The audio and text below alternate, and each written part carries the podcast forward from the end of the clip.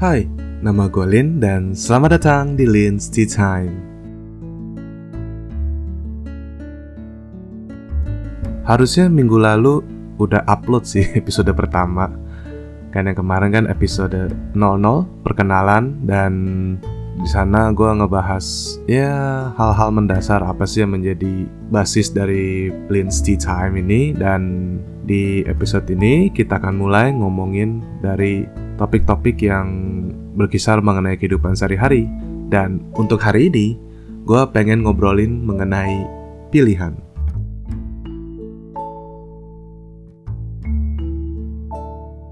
Setiap hari kita selalu dihadapkan pada berbagai macam pilihan. Kadang dari hal-hal kecil seperti mau sarapan apa, mau pakai baju apa, mau pergi ke mana, itu kita selalu ngalamin setiap hari sampai dengan hal-hal yang penting. Misalkan kita memilih apakah kita mau lanjut sekolah atau kita mau lanjut S2 atau langsung kerja. Nah, kadang kita nggak siap ketika kita harus memilih di antara hal-hal tersebut. Kadang tiba-tiba aja kita harus milih, kita harus memutuskan sesuatu dan di saat itu juga kita harus mengambil keputusan. Dan kalau nggak siap itu itu bakal panik banget. Kadang itu bisa memicu flight or flight response. Uh, nanti kita akan bahas itu di episode lain. Dan yang pasti gue pengen dari episode ini dari pembahasan hari ini kamu bisa siap dan nggak akan panik ketika kamu harus mengambil keputusan Sebelum kita membahas mengenai bagaimana cara mengambil keputusan yang terbaik, kamu harus tahu dulu mengenai kapasitas mental bahwa setiap orang memiliki kapasitas mental yang berbeda-beda yang penuh pada saat pagi hari dan berangsur-angsur berkurang sampai kita tidur lagi atau sampai kita tidur malam sampai besok pagi. Kapasitas mental ini berkurang ketika kita harus berpikir berpikir dari hal-hal kecil sampai ke hal-hal besar. Berpikir ini kadang ada dua hal, antara kita mencari solusi dari suatu permasalahan atau kita memilih sesuatu. Nah, kita akan berfokus pada kegiatan memilih, baik itu kita harus memilih hal-hal kecil atau kita harus memilih di antara pilihan-pilihan yang berdampak besar, itu bobotnya sama. Itu akan mengurangi energi mental kita sehingga berlanjut pada decision fatigue, atau kelelahan mental akibat terlalu banyak mengambil keputusan. Jadi semakin sering mengambil keputusan itu akan mengurangi energi mental kita perlahan-lahan sehingga kita cepat burn out, kita cepat capek. Padahal secara fisik kita nggak capek, tapi secara mental kita lelah, gampang banget lelah. Nah, buat kamu yang sering ngalamin kayak gini, mungkin kamu terlalu banyak ngambil pilihan dalam hidup kamu. Nah, penyebabnya apa aja sih? Yang pertama itu kebanyakan opsi atau kebanyakan pilihan dan banyak hal remeh yang harus diputuskan. Cara mengatasinya, cara mengatasi decision fatigue itu adalah yang pertama, tidur yang cukup. Tidur yang cukup ini penting, tapi jam tidur orang tuh beda-beda dan setiap orang membutuhkan waktu tidur yang berbeda-beda pula. Nah, kamu coba cari rentang waktu yang nyaman buat kamu mungkin 8 jam, 7 jam, 6 jam. Nah, kamu coba sendiri ketika kamu bangun pagi, kamu freshnya itu ketika tidurnya berapa lama.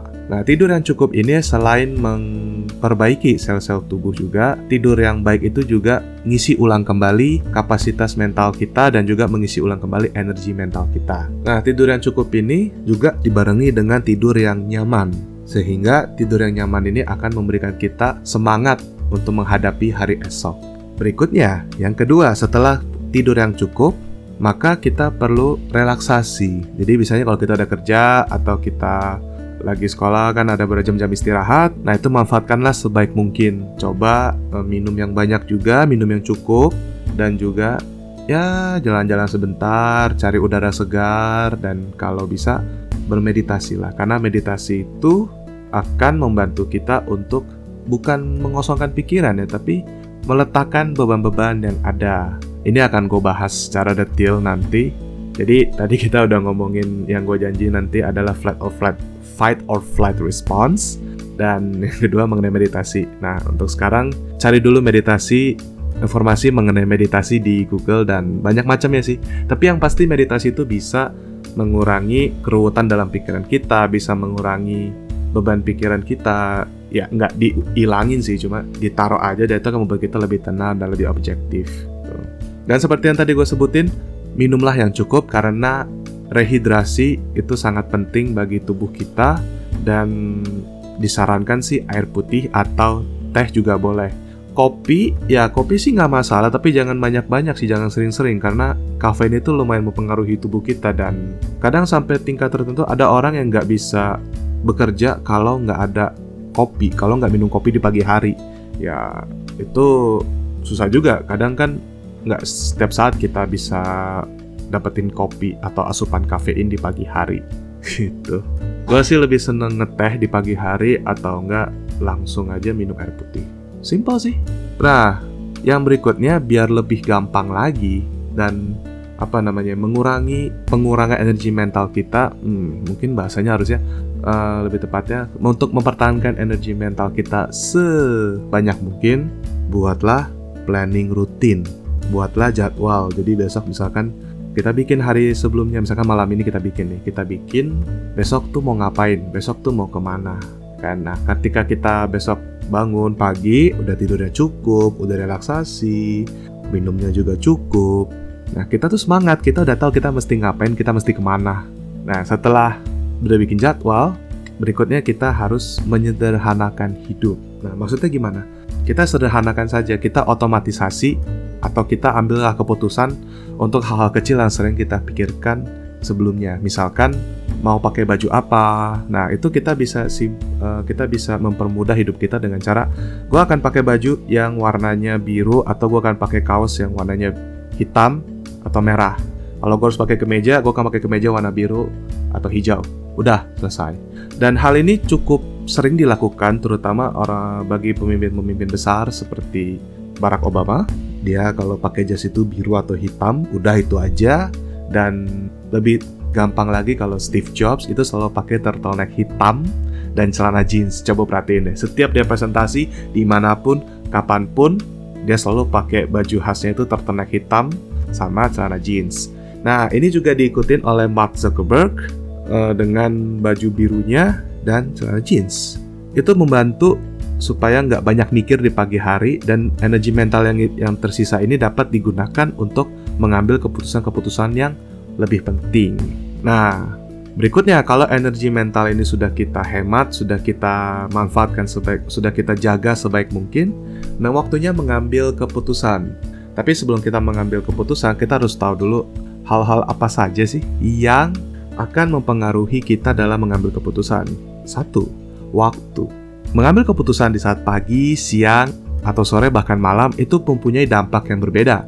Kenapa? Simpel aja sih. Kalau pagi kita kan masih segar, kita masih fresh, dan kita punya banyak energi mental untuk memutuskan sesuatu untuk berpikir pro dan kontranya. Kalau di siang hari atau di sore hari, itu mungkin kita sudah mulai capek, kita sudah mulai lelah, dan kalau sudah mulai lelah, biasanya kita udah nggak mood lagi atau kita udah mulai nggak konsen untuk mengambil keputusan secara seksama. Jadi kalau keputusan-keputusan atau ketika kamu harus mengambil keputusan besar, mending kamu coba ambil keputusan besar itu atau kamu pikirin mengenai hal itu di pagi hari aja.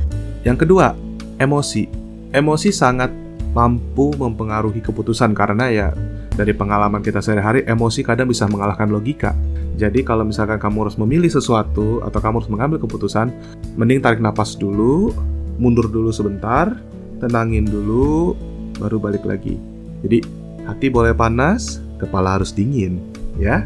Nah, setelah emosi-emosi ini bisa dia kontrol, setelah kamu sudah tenang, baru kamu boleh deh coba ambil keputusan dengan benar. Dan yang berikutnya, urgensi atau prioritas. Apakah ini penting atau enggak? Semakin penting, semakin gawat sesuatu itu akan semakin semakin membutuhkan energi mental yang lebih besar. Nah, jadi kita sudah tahu mengenai energi mental, kita sudah tahu mengenai kapasitas mental kita, sudah tahu apa aja yang mempengaruhi keputusan kita dan sekarang waktunya kita ngomongin tentang cara mengambil keputusan yang optimal tentunya. Yang pertama, satu, ingatlah tujuan utama. Ini tujuannya apa sih? Misalkan contoh yang paling simpel ya. Misalkan kamu mau lanjut kerja atau mau lanjutin pendidikan. Nah, kita lihat dulu, kamu apakah emang mau cari uang aja atau kamu mau kehidupan yang lebih baik. Kalau kamu memang sudah merasa ya udahlah ya, misalkan kamu mungkin udah punya usaha yang stabil, yang udah berjalan. Nah, mungkin kamu akan lebih tertarik untuk mengejar usaha kamu. Nah, sementara kalau kamu kerja di kantoran, mungkin pendidikan lebih tinggi akan mempermudah kamu untuk mendapatkan jabatan yang lebih tinggi. Nah, itu kan udah udah dua hal yang berbeda. Nah, jadi tentukan dulu tujuan utama kerangka besarnya. Yang kedua, tentukan standar. Jadi misalkan apakah kamu cukup di level yang ini atau kamu ingin lebih baik lagi, carilah pilihan atau opsi-opsi yang memberikan keuntungan yang paling besar. Jangan sampai kamu harus mengambil keputusan yang merugikan kamu. Nah, ambil keputusan yang menguntungkan kamu, ambil keputusan yang setidaknya memberikan kerugian yang paling sedikit buat kamu. Oke. Okay? Yang berikutnya yang harus kamu perhatikan adalah emosi. Sekali lagi, cek emosi kamu udah stabil belum? Pikir dengan kepala dingin, tenangkan pikiran, tarik nafas, keluarkan pelan-pelan, lalu coba pikirkan plus minusnya masing-masing.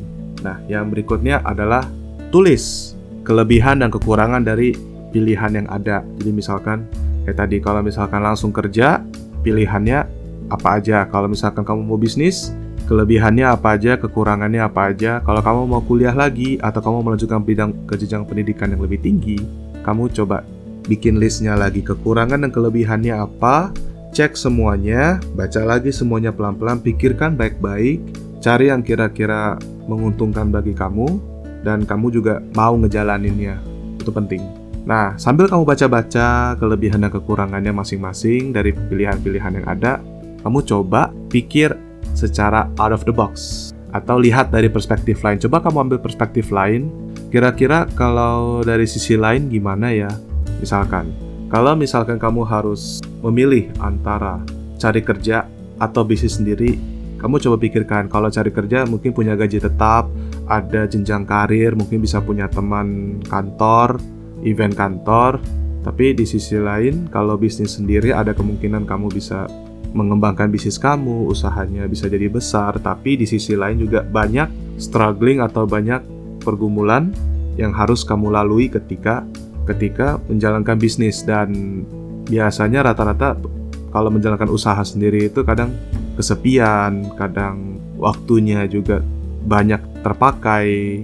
Kadang kalau kerja kan itu kan hanya jam misalkan dari jam 9 sampai jam 5 udah selesai. Sementara kalau bisnis sendiri itu kadang kalau lembur nggak dibayar gitu. Jadi coba lagi pikirkan pelan-pelan, ambil perspektif lain ya. Intinya coba pikir out of the box dan coba dari perspektif lain. Dan yang terakhir, coba percaya naluri. Kadang naluri kita itu bisa memilih yang paling tepat. Kadang kita nggak tahu kenapa, tapi naluri itu tuh bisa tiba-tiba memberikan keputusan yang yang ini aja.